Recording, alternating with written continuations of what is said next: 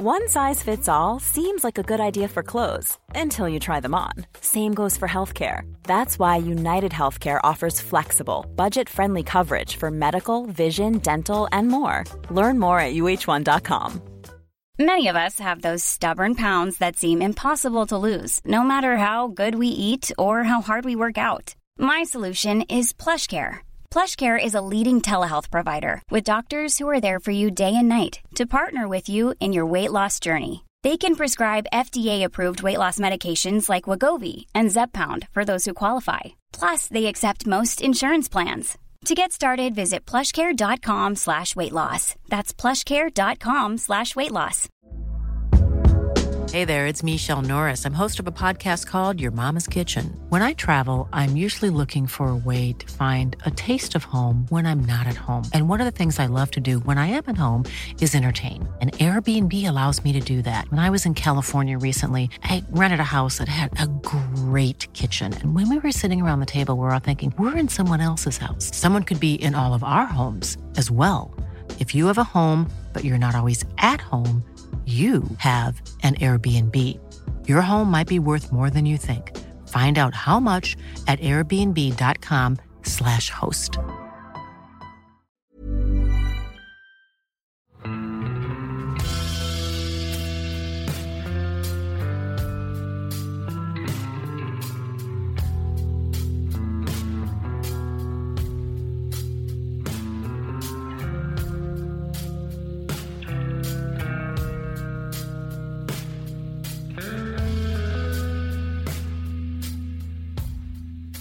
Hei, og velkommen til podkasten Uteliv. Mitt navn er Randulf Valle, og i dag har jeg krypet inn i skapet på turutstyrrommet igjen med eh, lyddempende sovepose rundt meg for å ta opp en ny episode av podkasten Uteliv.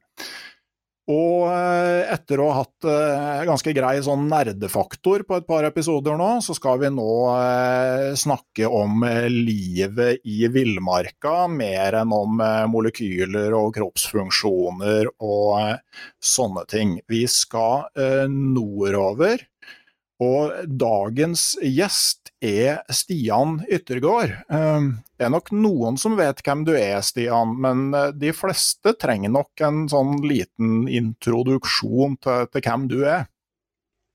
Ja, det må vi vel kunne klare å få til. Um, jeg er 40 år gammel, nylig fylt faktisk. Uh, bosatt i uh, Målselv i Indre Troms. Jeg er født og, oppvokst i ei eh, lita kystbygd som heter Kattfjord på, eh, på Kvaløya utafor eh, Tromsø. Og der hadde jeg en, en oppvekst som var prega av veldig mye fri og kreativ lek og bruk av naturen, med skog og fjæra, båten og, og fjellet, da.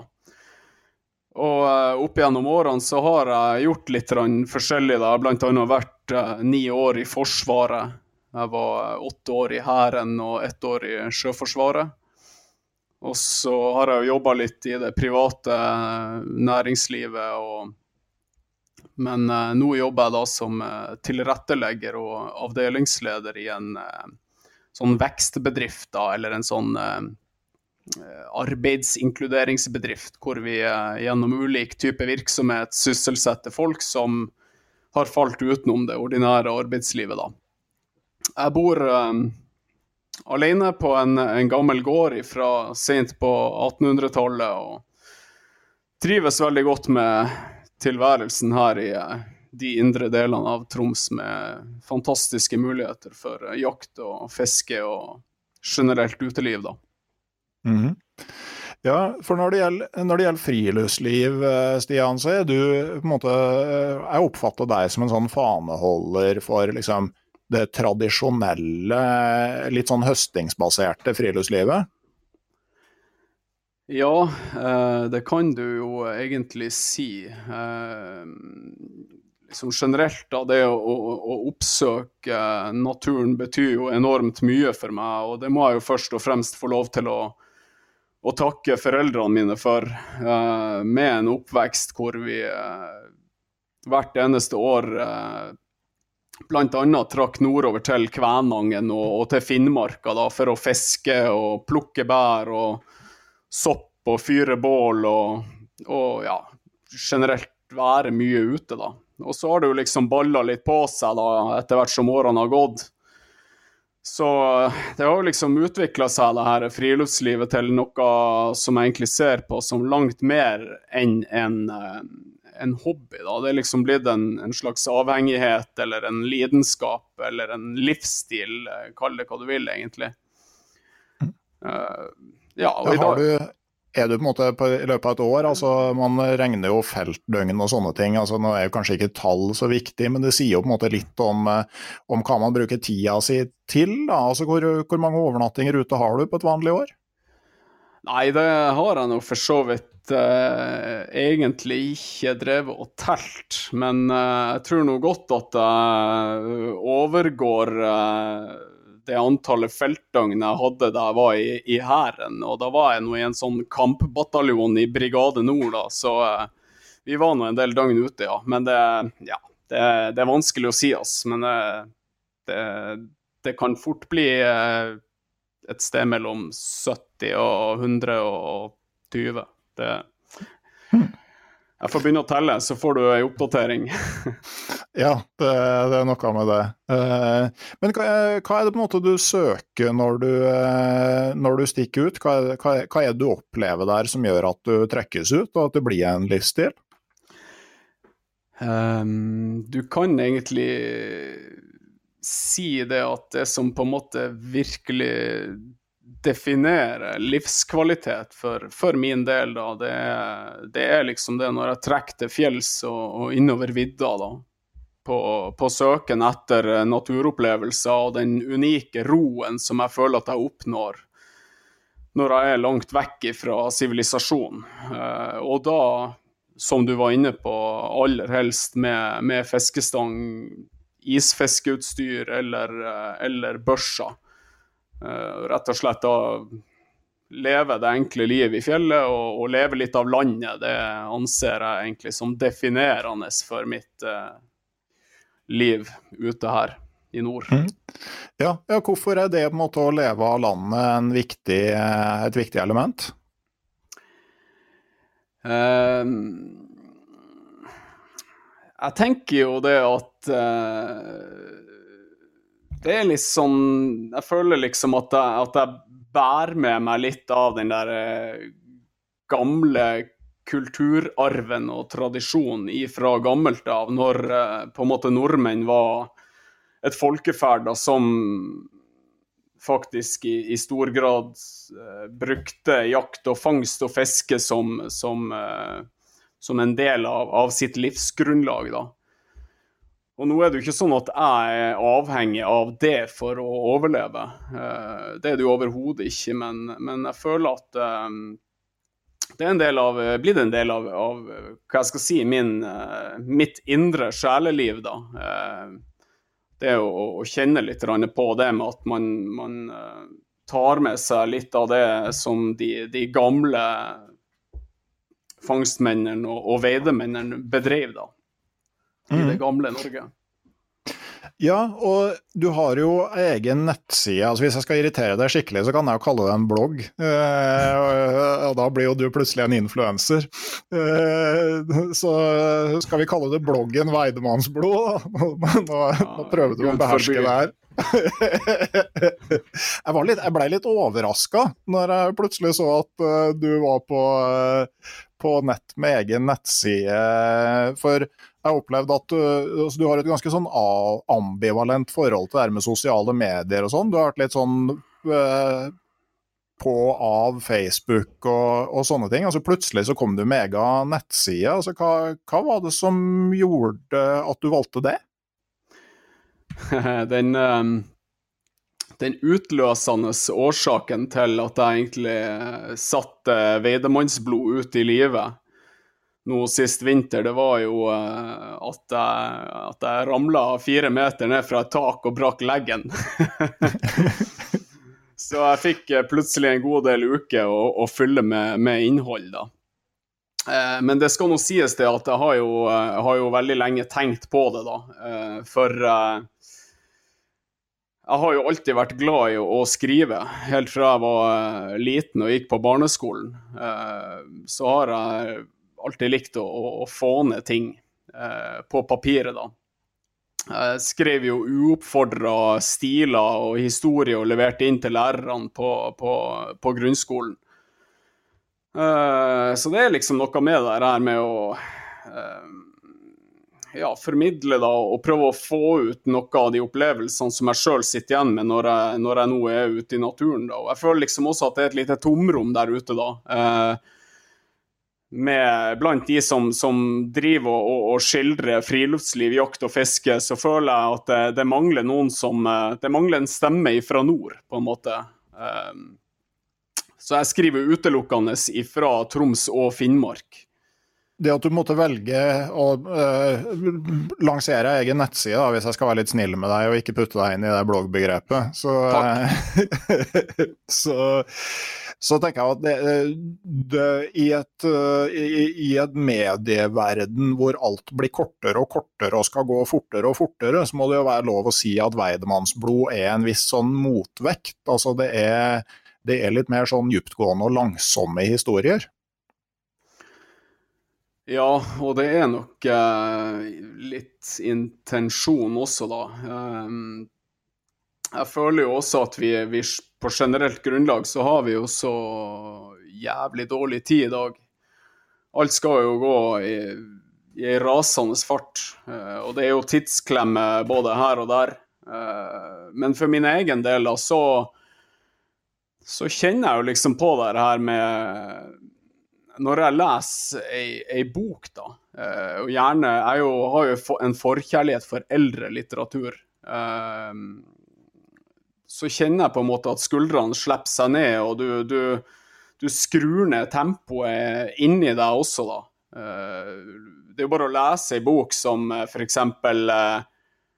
'Alene med vidda' av eh, Peder Cappelen, så er du jo eh, ned på 45 eh, puls etter noen få sider. Så det er jo liksom kanskje litt det jeg, prøver på gjennom Veidemannsblod også, da. Å være en sånn ja, liten sånn motvekt da, til alt det som skal gå så rasende fort, og være veldig sånn fotobasert og stories og, og den type ting. Ja, for jeg tenker at uh, altså, vi har, Jeg har jo sett at vi har jo begge oppdaga eh, liksom en, en, sånn person som Knut Dahl, som var professor uh, med, med, laks som spesialitet, men også skrev bøker. Og og eh, det der når du ikke hadde fotoapparatet å støtte deg på i så stor grad, så, så blir du jo henvist til, å skape de bildene med, med, språket, og det blir jo noen helt andre historier, tenker jeg.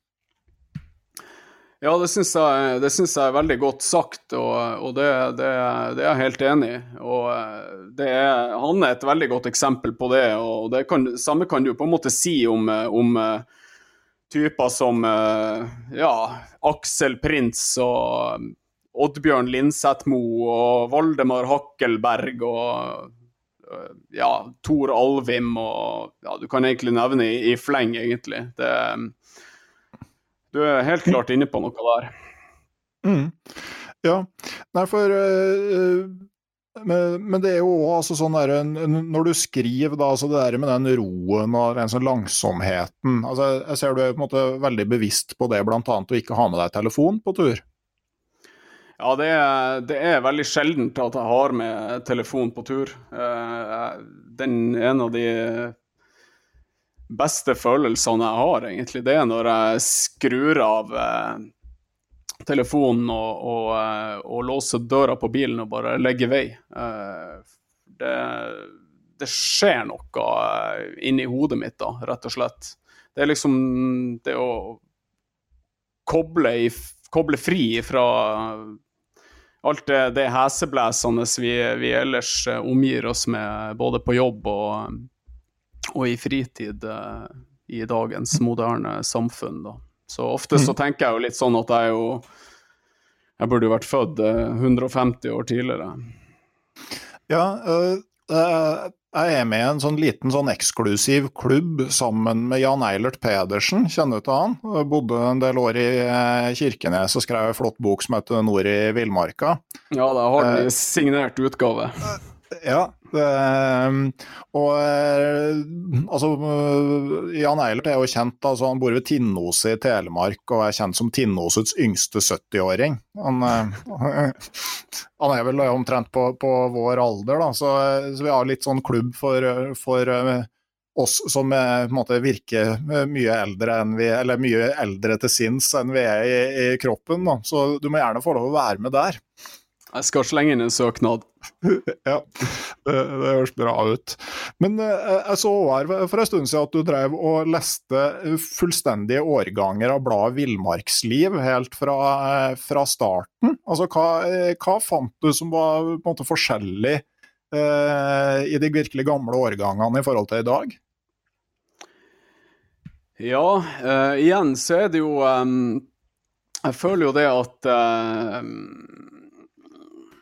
Det var et, en, en litt annen tilnærming i de eldre årgangene av, av villmarksliv.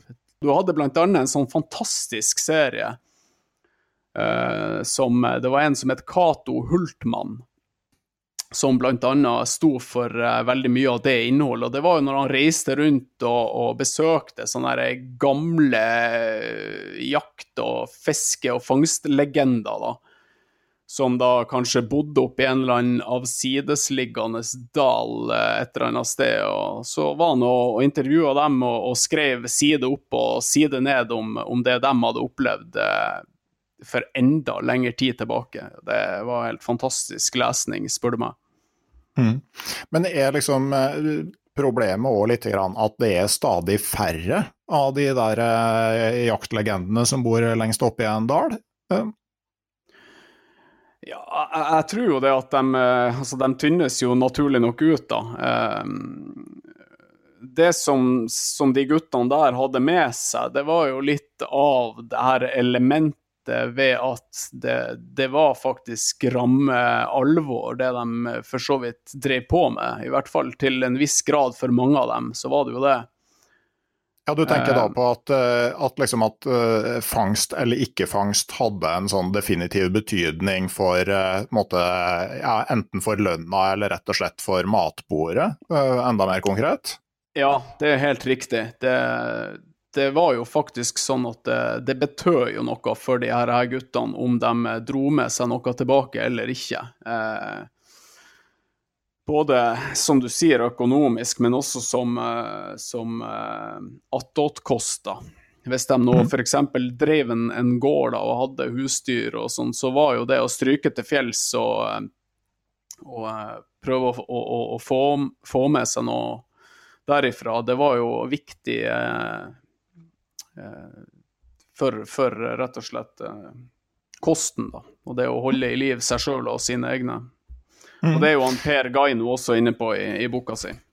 Ja, for, eh, for jeg tenkte vi skulle gå litt ned inn på ei bok som vi begge har et litt sånn nært eh, forhold til, som, eh, som er av Torbjørn Tufte, som da var en av gründerne for Villmarksliv. Og det er jo da boka som heter 'Villmarksliv' med Per fra Lapp og Låbbal.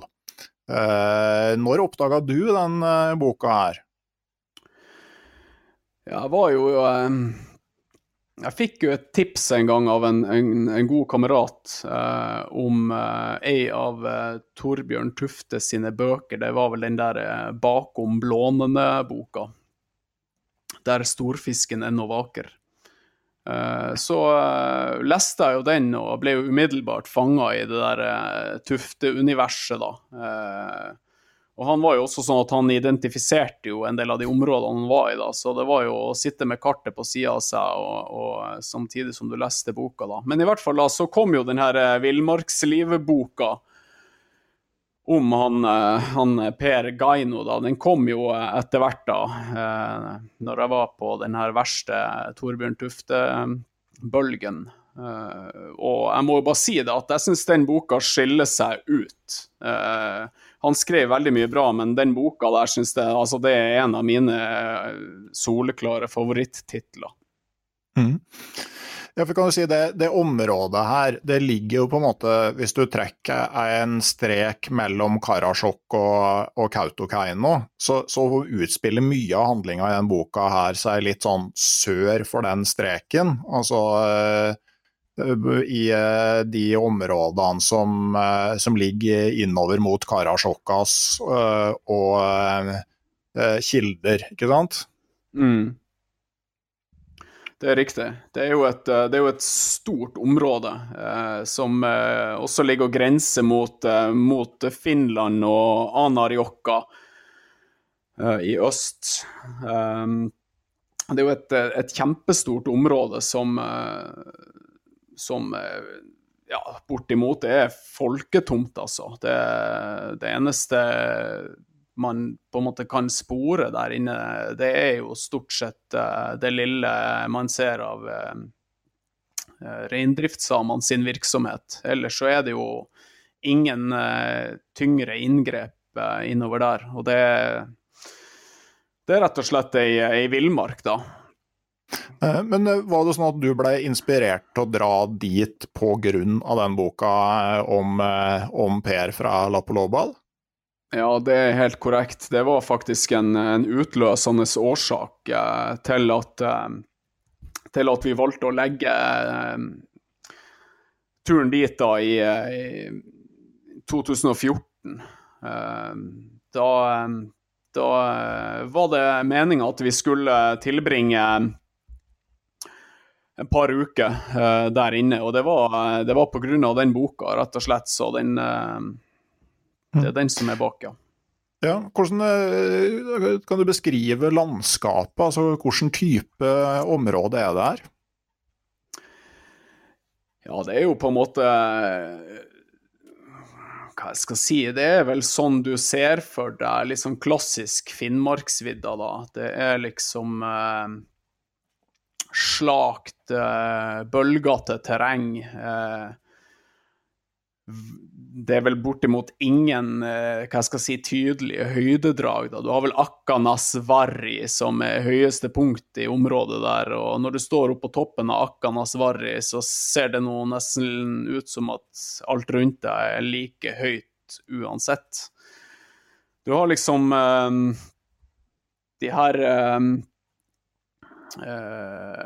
vassdragene da med Karasjokka og Akkanasjokka, da, med sine frodige, tilliggende eh, områder med kratt og myr, og så har du jo svære områder med knusktørre bjørkemoer og reinlav og hm.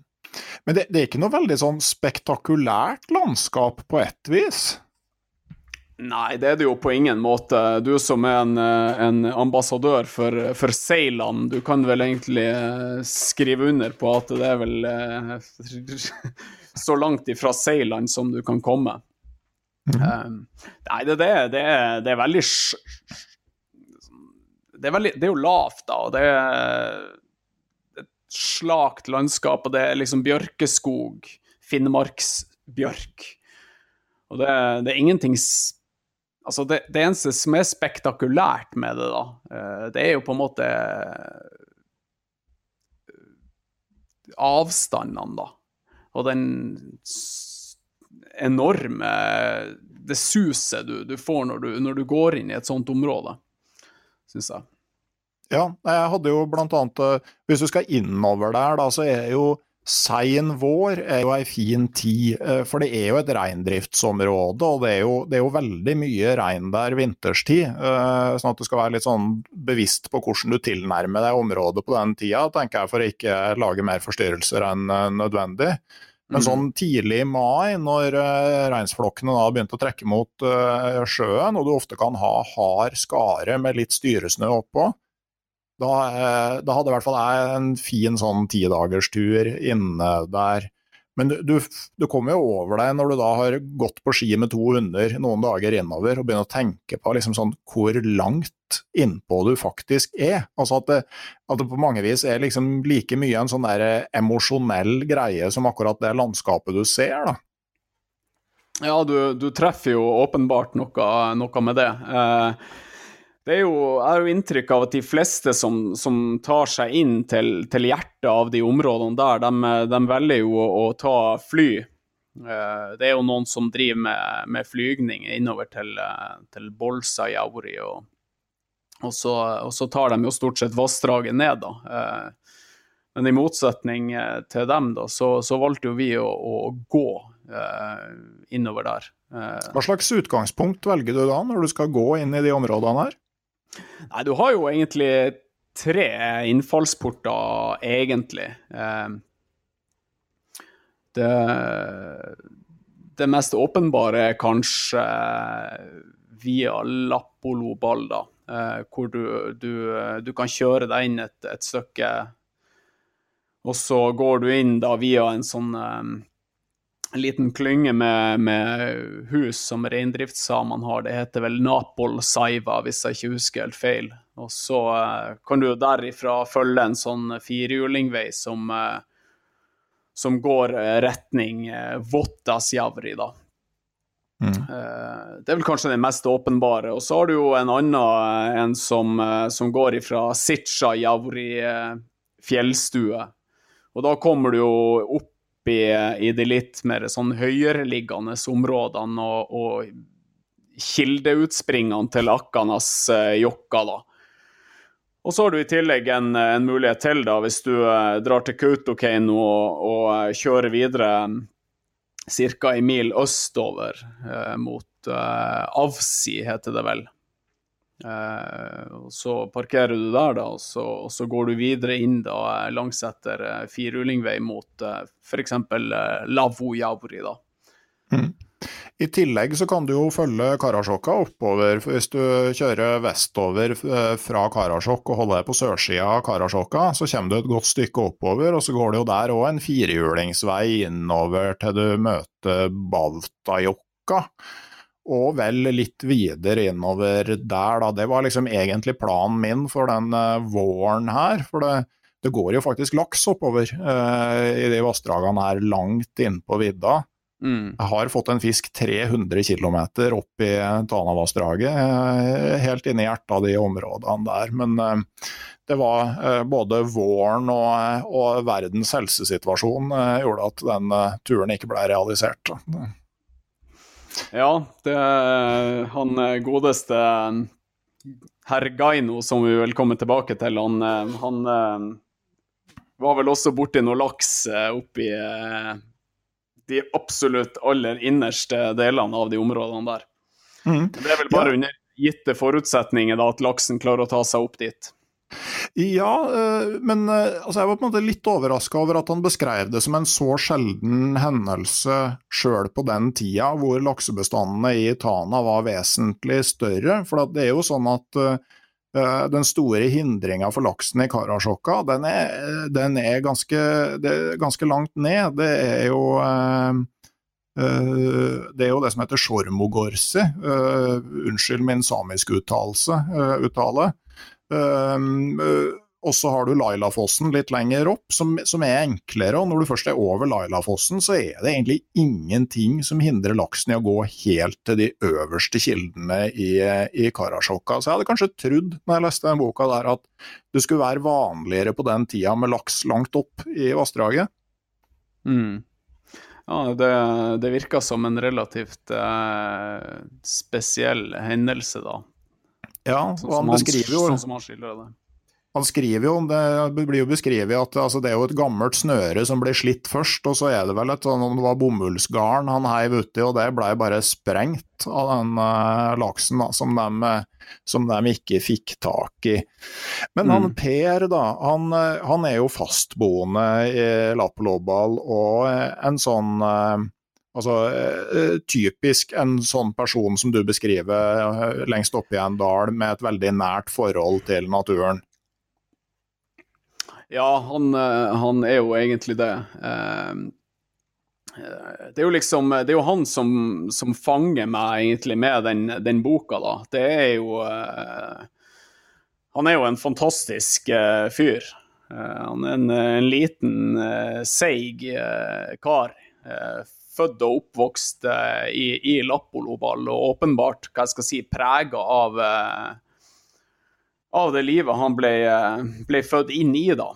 Eh, men han er jo en eh, han er jo samtidig så han, han er jo en allsidig og utrolig initiativrik og engasjert fyr som eh, Han bekledde jo mange roller opp gjennom, opp gjennom livet. Da. Han var jo fjellstuevert og reingjeter. Han var jo kjentmann og, og, hjelper for de her landmålerne som, som uh, kartla Finnmarksvidda. og Han var kommunestyrerepresentant i ja, hva det var, 36 år, vel. og ja, men bare det var, jo, det var jo ingen liten innsats når du sånn på en måte i dag så er det jo få som bruker så veldig mye innsats på å komme seg til et kommunestyremøte, men sånn når han ble innvalgt og skulle komme seg da fra Lapplobal til Kautokeino for å være med på møtet, så var jo det noe som de fleste i dag ville sett på som en ekspedisjon. Ja, rett og slett. Det er jo, det er jo folk som, som som er glad i å skryte at de har gått eh, kortere etapper enn det han gjorde til og fra de her eh, kommunestyremøtene. Altså. Det, det, er ganske imponerende. Jeg tror ikke han eh, Han lot seg vel ikke stoppe av, av verken vær eller vind på de turene der. Men bare sånn for å ha det sagt, da, så var han jo først og, og fremst av alt så var han jo en, en en veidemann. da. Han var en, en vandringsmann, en, en jeger og en, og en, fisker som, eh, som under trange, trange, kår måtte lære seg å, å, å, leve av det som vidda ga. Og, og, han så det liksom ikke bare som et uh, slit. Men, men, noe som åpenbart også ga han rekreasjon og, og, veldig mye livskvalitet. Og, og det betydde veldig mye for han. Da. Det er liksom så fint det der eh, sitatet som han eh, forfatter eh, Torbjørn Tufte løfter frem, da. Han, han sier liksom at eh, når andre har vendt blikket mot et mer sivilisert liv, så har han vendt det innover mot fjellet. Det syns mhm. jeg er flott og veldig beskrivende. Ja. Og så legger jeg også merke til at på en måte selv om han da har et liv hvor eh, altså sånn utkommet han klarer å høste i naturen er viktig, så er det òg en veldig sånn respekt. altså jeg la merke til at liksom, eh, annet at han ikke skyter rype på søndager, og at han ikke skyter ryper som blir jaga av annet vilt. Ja, han, uh, han har jo en, en, fantastisk opplevelse som han beskriver i den boka der, uh, hvor, uh, hvor, det vel kommer noen ryper som han vel legger opp hagla imot, men så kommer de liksom og lander mellom beina på han, mer eller mindre. Og så viser det seg at de er, de er jaga på av en, en falk, var det det? En jaktfalk. Ja, hva var det? Så jeg ikke husker helt feil. Eh, og da sitter de her rypene og tripper rundt beina hans og Og eh, Ja, han lar jo dem eh, være, da. Jeg tenker jo det at eh, det viser jo litt av den, den, respekten han hadde for, for naturen da, og de, de skapningene som, som, lever der, da. Mm. Ja. Uh, når du leste den boka her, var det da var det sånn at du ganske fort etterpå oppsøkte områdene? Ja, det, det var egentlig det. Ehm, det tok ikke Det tok i underkant av et år, ja, fra jeg leste boka til vi dro inn eh, til Akanas. Mm, kjente du deg igjen? Ja, det var eh, Vi hadde jo vi hadde jo en sånn leirplass som de, de brukte, eh, på et nes. Et veldig markant nes som stikker ut i et visst eh, vann der inne. Mm. Eh, det er vel ikke noe problem å navngi Vuotas Javri. Jeg har vel allerede gjort det. Men uh, det stikker et sånn spisst nes ut der, som er liksom uh, stedet hvor de fyrte opp uh, sine leirbål og, og drifta ut ifra, da. Mm. Men, men det, det, viser jo litt med det som på en måte ble et sånn tvega sverd med eh, forfatterskapet til Torbjørn Tufte. altså Det at han var så fryktelig konkret på hvor han hadde vært. for han, Jeg husker sånn i Hammerfest-området hvor jeg bodde i ni år. Han var ikke så veldig populær der, for det var liksom sånn navngitte vann på nordsida av E6 over Sennalandet som, som dem mer eller mindre med rette da, til å ha æren for å ha liksom, ødelagt som storfiskvann. Altså for det, han solgte jo kolossalt mange eksemplarer av bøkene sine, og det var ikke så mange plasser å søke informasjon, så det må jo ha gitt det, eh, altså, en ganske grei folkevandring. Ja, det, det, det, det, er åpenbart at det hadde jo selvfølgelig en, en, en konsekvens, da. At han, eh, han valgte å kjøre ei, ei ganske åpen uh, linje. I tillegg, så, I tillegg, til bøkene så skrev han jo også uh, i uh, sitt eget blad villmarksliv, eh, som også eh, gikk som, som hakka møkk. Så det er klart at en del av de vannene der, de, de ble nok ganske godt besøkt eh, i perioder der. Eh, men samtidig så, så er jo han eh, Eller han, han var av, eh, av den oppfatninga at de ofte de verste tjuvfiskerne, det var altså lokalbefolkninga sjøl. Det var dem som var hardest mot vannene mente han. Mm, det er vel eh, klassisk, et klassisk stridstema en dag i dag, tror jeg. En del plasser, hvem det, hvem det er som har skylda. Det var jo, På den tida der så hadde jo folk fra andre nasjoner ikke lov til å være mer enn fem kilometer unna vei, mener jeg, i Finnmark. Og det står en del om eh, skuterspor over fra finsk side og finske ølbokser og pilkehull ved vann. At de er ikke noe sånn veldig fornøyd med det. Nei, det der, der Jeg husker jo eh, for eh, en par år siden så ga jo faktisk VG ut en eh, svær reportasje om, om akkurat den konflikten der da, med, med de lokale finnmarkingene og tilreisende finlendere. da.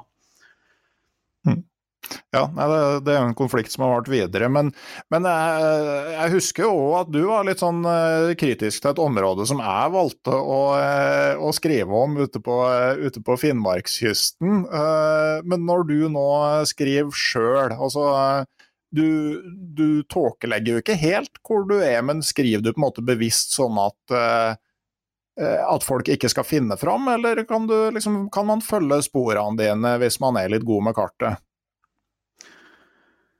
Sporene mine skal du nok slite med å følge, tenker jeg. Eh, men eh, jeg har ingen problem med å, å angi eh, område eller region hvor jeg, hvor, jeg, beveger meg. Men, men så er det nå engang sånn at når, når, du er i besittelse av opplevelser hvor, hvor, hvor, hvor, du sjøl har fått, fått, kjenne på at veldig gode fiskevann f.eks.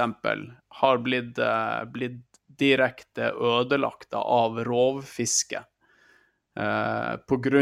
en viss åpenhet om eh, lokaliteten på stedet, så, så, eh, så, blir du mer tilbakeholden da.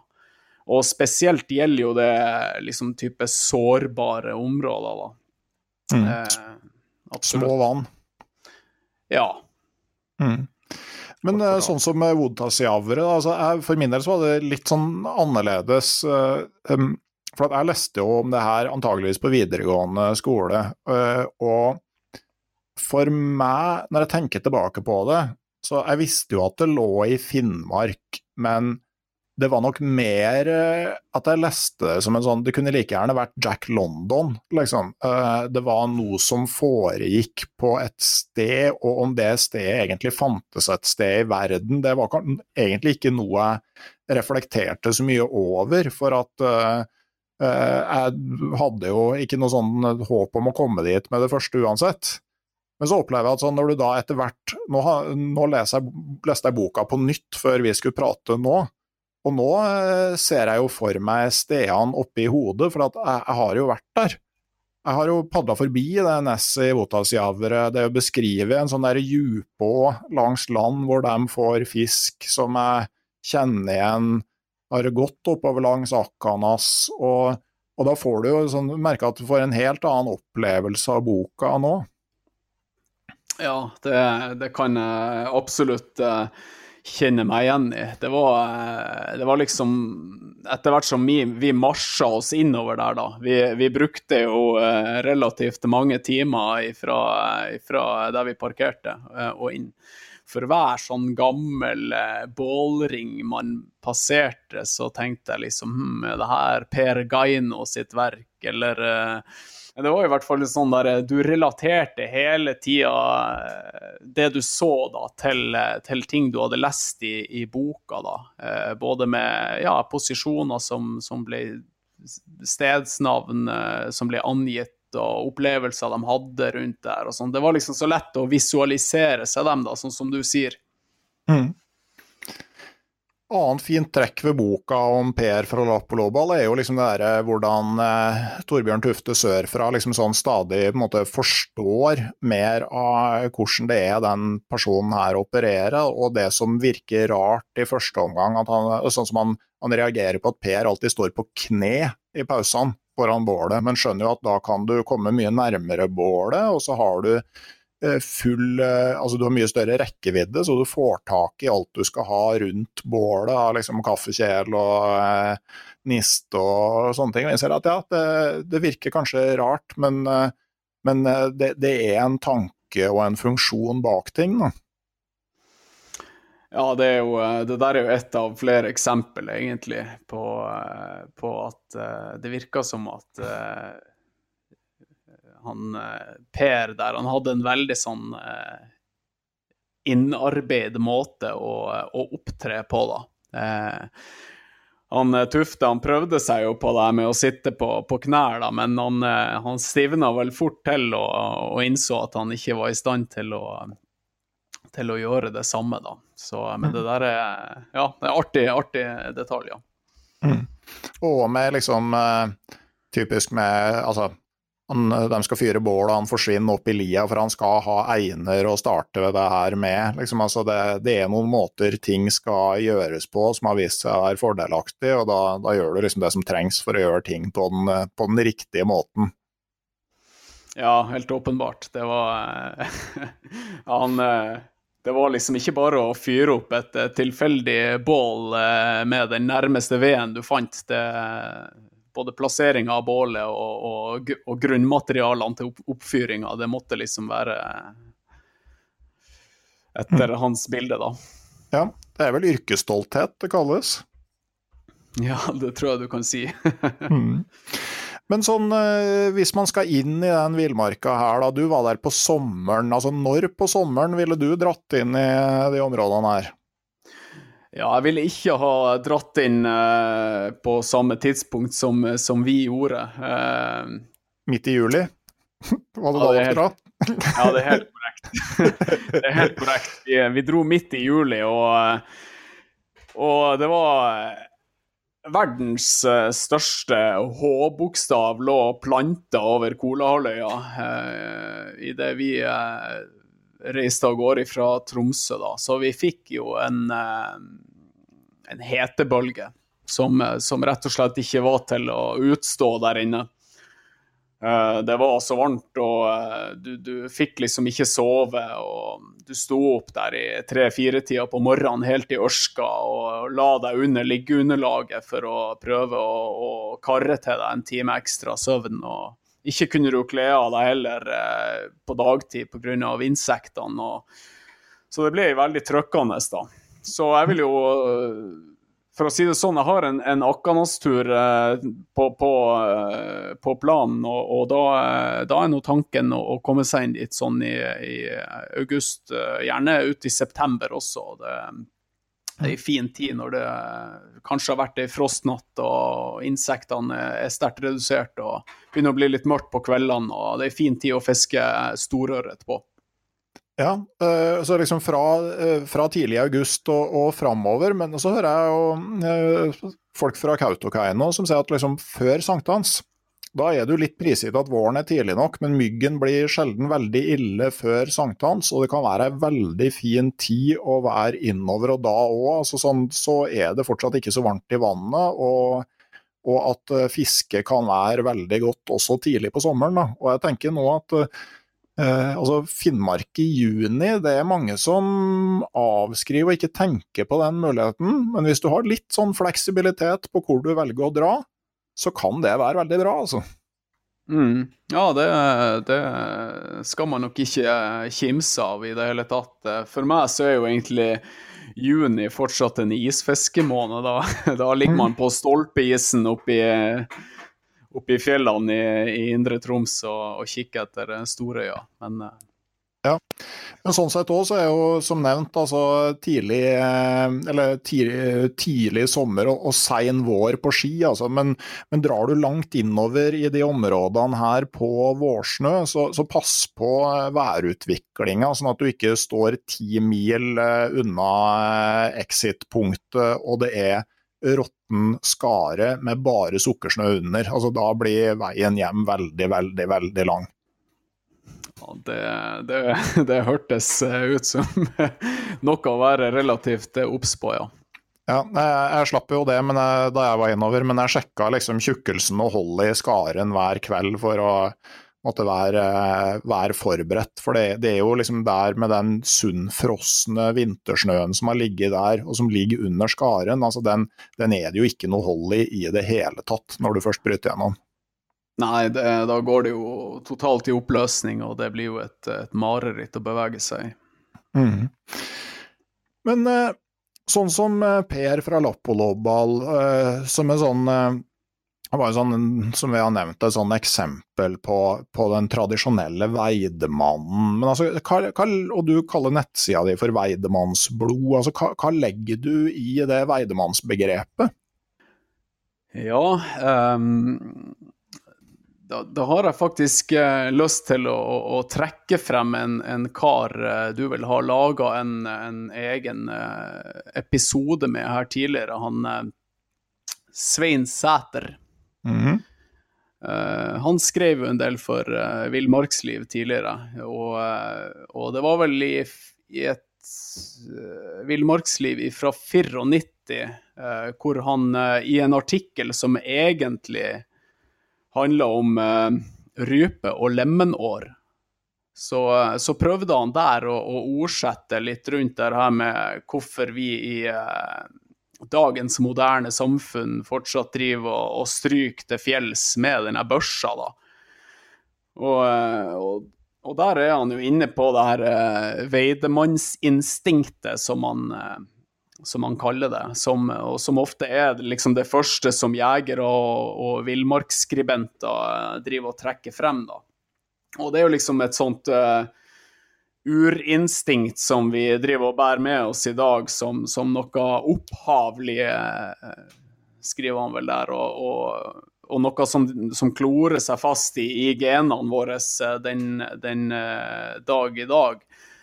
Men den uh, hva skal si, Den opprinnelige Veidemann sin primærgeskjeft var jo liksom, eh, som vi så vidt var inne på i stad, var jo å brødfø seg sjøl og, og, sine nærmeste med det som han greide å, å eh, høste av naturen gjennom jakt og fangst og, og fiske. Og det var nok eh, langt fra noe glamorøs eh, tilværelse den gangen. Det var vel lite Instagram-vennlig, for å si det sånn. Det var vel et blodslit med til dels dårlige klær og enkelt utstyr, og, og neppe særlig sterke elementer av rekreasjon i det som de, de gamle veidemennene bedrev, tenker jeg. Nei, men, men, samtidig Men jeg tenker i det så ligger det jo et forventning om et netto utbytte, tenker jeg. At liksom det du henter ut av villmarka, må være mer enn det enn innsatsfaktoren på en måte i form av eh, utstyr og mat og, og sånne ting. Uh, bare for å skyte inn, altså, jeg tror kanskje noe av det de fant, altså dem som lå på en måte på mår og uh, revejakt eller på rypefangst og sånn, så de fantes jo, sånn som i Gausdal sørpå hvor jeg vokste opp, så var det folk som lå i ei steinbue som het Røverhulen, og to stykker. Den ene fanga rev, og den andre eller jakta rev, og den andre fanga rype, og de lå der hele vinteren. Eh, men noe av det de hadde, var nok en, en frihet da, som, eh, som, de fleste andre ikke, ikke hadde. Ja, det det er jo helt åpenbart. Eh, de hadde nok en, en frihet. Eh, samtidig så, så eh, det, det, kunne jo selvfølgelig variere litt, det også vil jeg nå tro, da. Noen av de her guttene de drev jo kanskje gårder, mens andre gjorde ikke det. Uh, de som drev gårder, hadde vel kanskje en enda større, sterkere forpliktelse i forhold til uh, det med å, å, tross alt skulle komme hjem uh, og, og, kanskje ha med seg et utbytte for å, å spe på enten økonomien eller, eller, eller til maten, da. men så hadde du kanskje de her litt mer de her landstrykerne eller litt mer løsreppa guttene som kunne ligge inne i sånne steinbuer, da. Mm. Så skal du ikke, eh, ikke sant, Når du går tilbake til 30-tallet og sånn nå, så var jo bare det at du klarte deg sjøl med det du fikk tak i, sånn at du slapp å belaste familien med kosten. Bare det i seg sjøl var, eh, var, jo en eh, verdi. Altså, jeg husker jo farfar min var jo på selfangst i Vestisen på 30-tallet.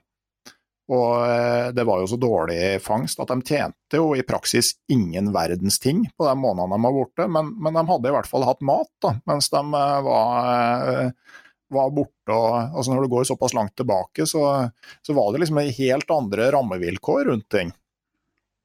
Ja, det er jo utrolig egentlig å tenke på. For det er jo, hvis du ser historisk sett på det, så er det jo faktisk ikke så fryktelig lenge siden. Mm. Men uh, jeg tenker på det der, Weidemannsbegrepet. Altså sånn, har det noen relevans sånn praktisk i det hele tatt i dag? Altså, kan du, er det mulig å høste av så skrinne ressurser som rundt Akanasjoka og Karasjokka med et netto overskudd? Da, da, da, tror skal, da, tror jeg du skal, legge ned litt, litt innsats, da. Eh, du får jo et inntrykk av gjennom, gjennom boka der, da. Som, den er jo skrevet i, tidlig på 70-tallet, vel. Mm. Eh, så får du et inntrykk av at, eh, at det, det de fiska og, og jakta på innover der, da, det, det var jo som en som en, en, en, en bifangst, da, på en måte. Altså, det var jo for å spe på. Uh, men um, i dag så tror jeg jo det skal la seg godt gjøre på en måte å, å leve av over tid, over år, på, på det, du, det, du, høster ut fra, fra Akkanas. da. Eh. Mm. Nei, jeg vet jo at det, det, er jo en god del folk, spesielt sånne i kommuner som eh, Tana og Kautokeino og Karasjok, som de kjøper verken fisk eller kjøtt. Men samtidig, altså, du, da har du jo gjerne snøscooter, båt, påhenger, ATV. Sånn at uh, altså innsatsfaktorene i dag er så store at Eh, det er nok vanskelig, altså I forhold til Per, da, som hadde ryggsekken og ei hagle som sikkert var årevis gammel, og en fiskebollboks med noe grov nylonscene rundt til å fiske med, så blir det jo veldig mye fortere noe du kommer ut netto i pluss på. Ja, det er jo helt, det er jo helt åpenbart at eh, de hva skal jeg si, hjelpemidlene man kan, kan bruker i dag, er jo ikke sammenlignbar med, med, det som han, eh, med den måten han drev og drifter på. Han, han beskriver vel eh, historie fra en, en, opplevelse fra Det var vel innover imot Anárjohka, Anarjokka, faktisk, hvor han eh, var vel 20 år tidligere, tror jeg. Han hadde satt ut en håndfull sik. Og sik var jo en viktig matfisk. De drev vel og salte den ned og, og oppbevarte den over vinteren. Um, han satte ut en håndfull sik, og så kom han tilbake 20 år etterpå og dro et garn ut i det samme vannet og, og fikk, jo, uh, fikk, jo, masse svær, feit uh, sik, da. Og, uh, Og det her bar han jo på ryggen, da, i en, en ryggsekk som antagelig kanskje var dobbelt så tung som det jeg og du har drevet på og båret på, vil jeg, vil jeg anta. da. Det bar han tilbake til Lappoloball. Jeg tror ikke det er noe som helt klarer å, å, å forstå den prestasjonen det er i seg sjøl, da. Og, men han, han sier vel også det der at gleden ved å få den siken overskygga på en måte tyngden av den børa, da. Så han følte seg likevel fjærlett, på en måte. Mm. Men eh, jeg tenker jo eh, For å referere til gamle episoder, da, så er jeg litt inne på det her i den episoden som jeg lagde sammen med Jegerpodden om Oddbjørn Lindsetmo. Altså når du eh, snakker om at eh, høstingsaspektet er viktig på tur, og det at du kanskje baserer en del av maten på det du skal jakte og fiske og plukke underveis. Eh, er det på en måte innerst inne er det du gjør å sette deg i en situasjon hvor jakta og fiske får en større betydning? Ja, eh, jeg tenker jo det at eh, som for min egen del, da, så er liksom det, det her med, med, å skaffe den maten fra, fra naturen, da, det er liksom ei, sånn kraft, da. Uh, og jeg tror det er noe vi, vi faktisk bærer, bærer, i oss, da. Uh, og uh, noe som kanskje ligger litt sånn halvveis genetisk bestemt i oss den dag i dag.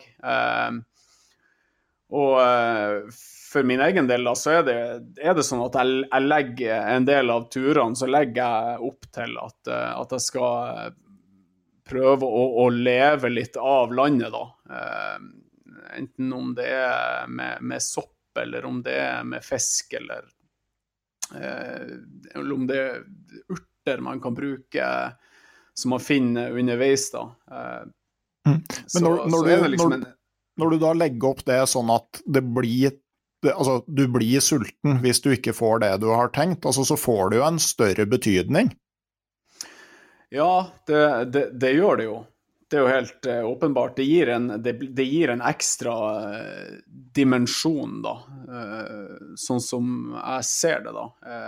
nå er det jo nå kan du ikke akkurat si at jeg har gått og, og, og vandra rundt i, i ørska på vidda Eh, pga. Av, av, av sult, altså. Eh, som regel så du har jo med deg noe, noe, noe proviant, eh, noe tørrmat og noe, noe sånn type potetmos og, og, tilbehør og sånne ting, da. Men, men, eh, men det I hvert fall Jeg kan bare snakke for meg sjøl, men, men det,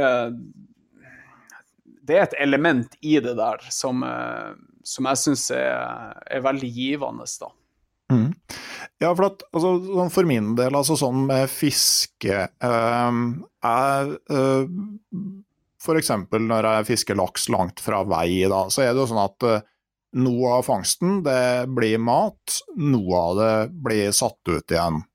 Og jeg merker jo at spenninga mi når jeg kjører fisk, er mye større når det som blinker uti der, er forskjellen på laks og potetmos til middag, og potetmos til middag, enn når jeg allerede idet jeg får fisken på, veit at den her tror jeg kommer til å sette ut, sånn at jeg har mer å gå på på kvota. Så i hvert fall for min del, altså sånn fisk som skal bli mat, har en annen verdi enn den du vet du skal sette ut igjen.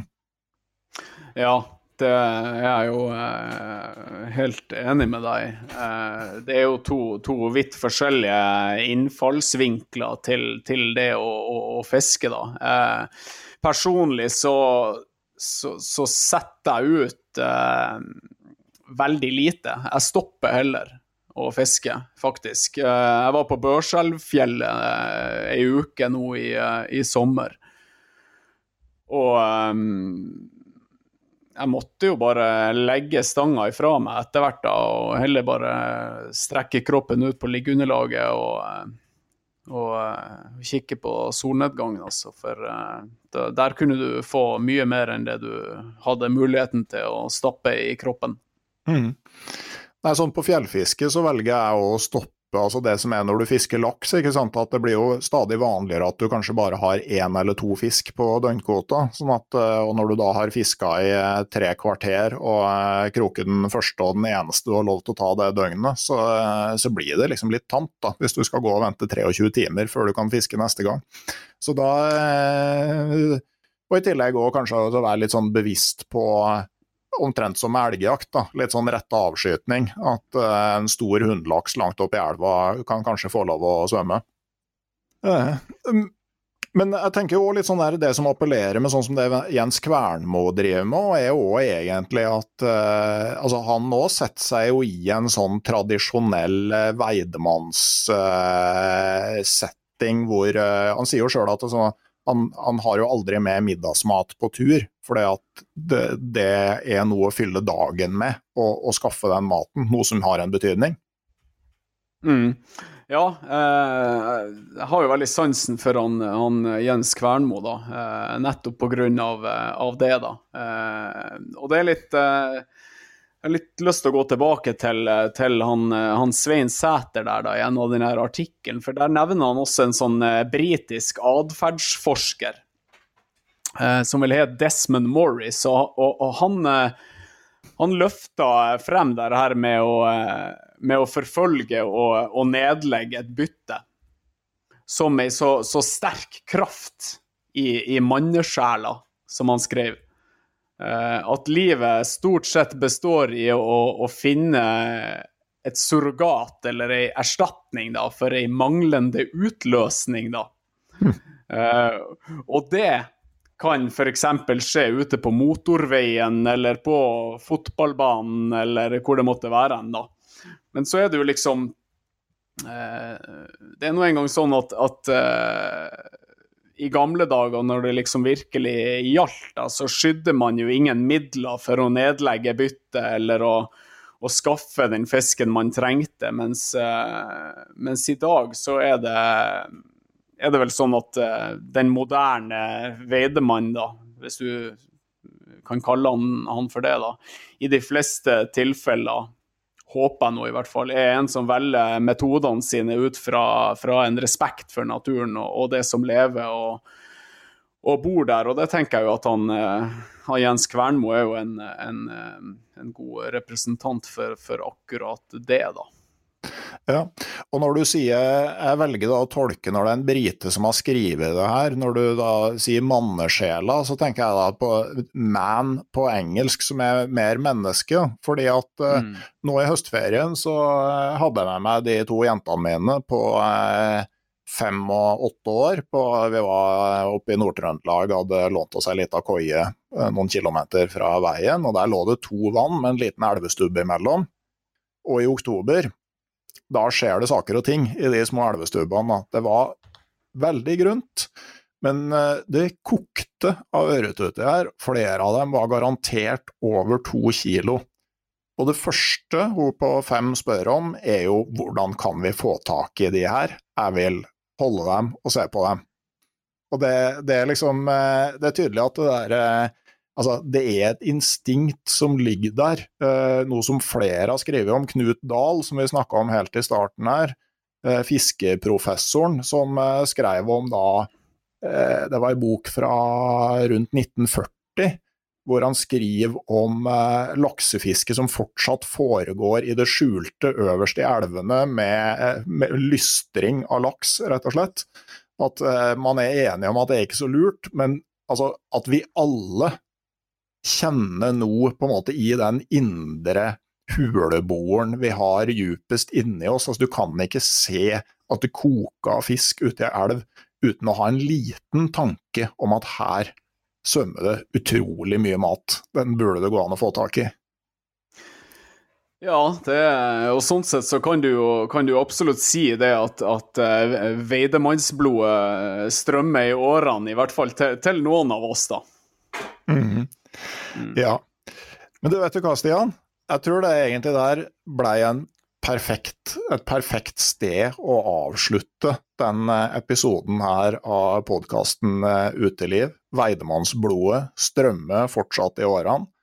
Ehm, Så la oss, eh, la oss, nyte det. La oss ta med nye generasjoner ut for å se på det her. Og så må vi innse at vi kan ikke bruke villmarka på samme måte som de tross alt ganske få som hadde det her som et levebrød. Altså, det var jo derfor det gikk an å høste på den måten de gjorde det, fordi at det var såpass få som var ute der og gjorde det. Og at vi klarer å ha den balansen, da, kanskje. At vi kan kjenne på følelsene fra gammelt av, og så må vi kanskje tilnærme oss aktivitetene på en litt annen måte i den tida vi lever i. Ja, det er vel verdt å, å, tenke på den måten, absolutt. Mm. mm. Jepp. Da har vi altså kommet til enden av en ny episode av podkasten Uteliv. Jeg vil anbefale alle å ta en tur innom nettsida, kaller vi det nå, Veidemannsblod, og eh, ta en titt på eh, artiklene som ligger der. Jeg legger ut link på både i episodeinfo og på de sosiale medier-kanalene til podkasten Uteliv. For du kan følge podkasten Uteliv både på Instagram og på Facebook vil òg rette en takk til eh, Patrions som eh, har registrert seg, eh, som støtter podkasten Uteliv med et fast månedlig beløp. Jeg har nå lagt inn mitt første mål. Når det når 50 patrons, så starter jeg produksjon av ei e-bok som i første omgang blir tilgjengelig eksklusivt på Patrion, som kommer til å handle om uh, turene som jeg har gjort i arktisk Canada. Jeg har alltid hatt lyst til å samle Canada-turene til en helhet. Uh, jeg var vel totalt åtte måneder der borte, fra 2001 til 2007. Og nå har jeg da tenkt å lage ei e-bok som, som, i første omgang blir for patrions av podkasten Uteliv. Så ta en tur innom og vurder om det er noe for deg. Men om du har lyst til bare å høre på podkasten Uteliv uten å gjøre noe mer enn det, så er det sjølsagt helt greit. Og da kommer det en ny episode om ei uke. Ha det bra!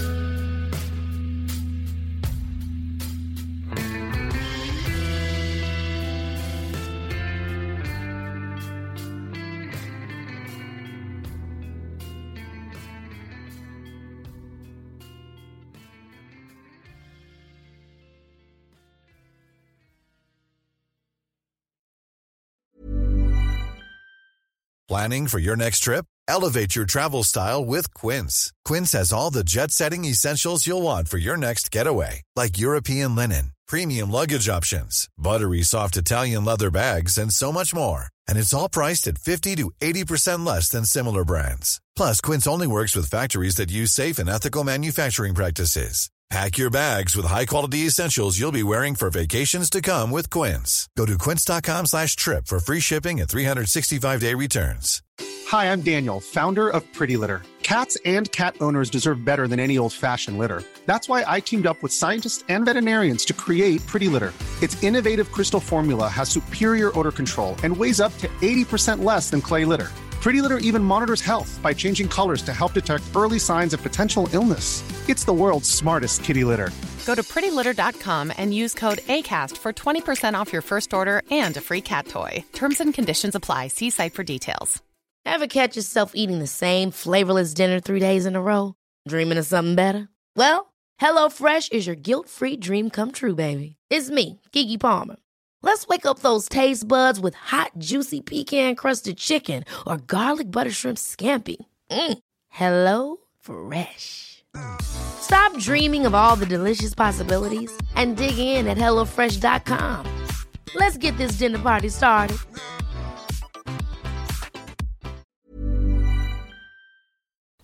Hei, jeg heter Nore og er daglig leder i Barents Outdoor. Det beste vi kan gjøre for planeten, er å redusere forbruket vårt og få mer ut av det utstyret vi allerede har. Men vi vet av erfaring at bruken av telt kan endre seg over tid.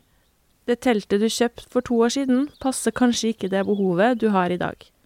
Derfor har vi i Barents etablert en egen panteordning der vi tar imot brukte telt av god kvalitet i innbytte når du kjøper et nytt av oss. Prosessen er enkel. På barentsoutdoor.no gir det oss informasjon om teltet du vil bytte inn. Basert på det får du et tilbud fra oss som gir deg rabatt på ditt neste Barentsprodukt. Mer info og betingelser finner du på barentsoutdoor.no. Og husk at den første reparasjonen på produkter fra Barents er alltid gratis.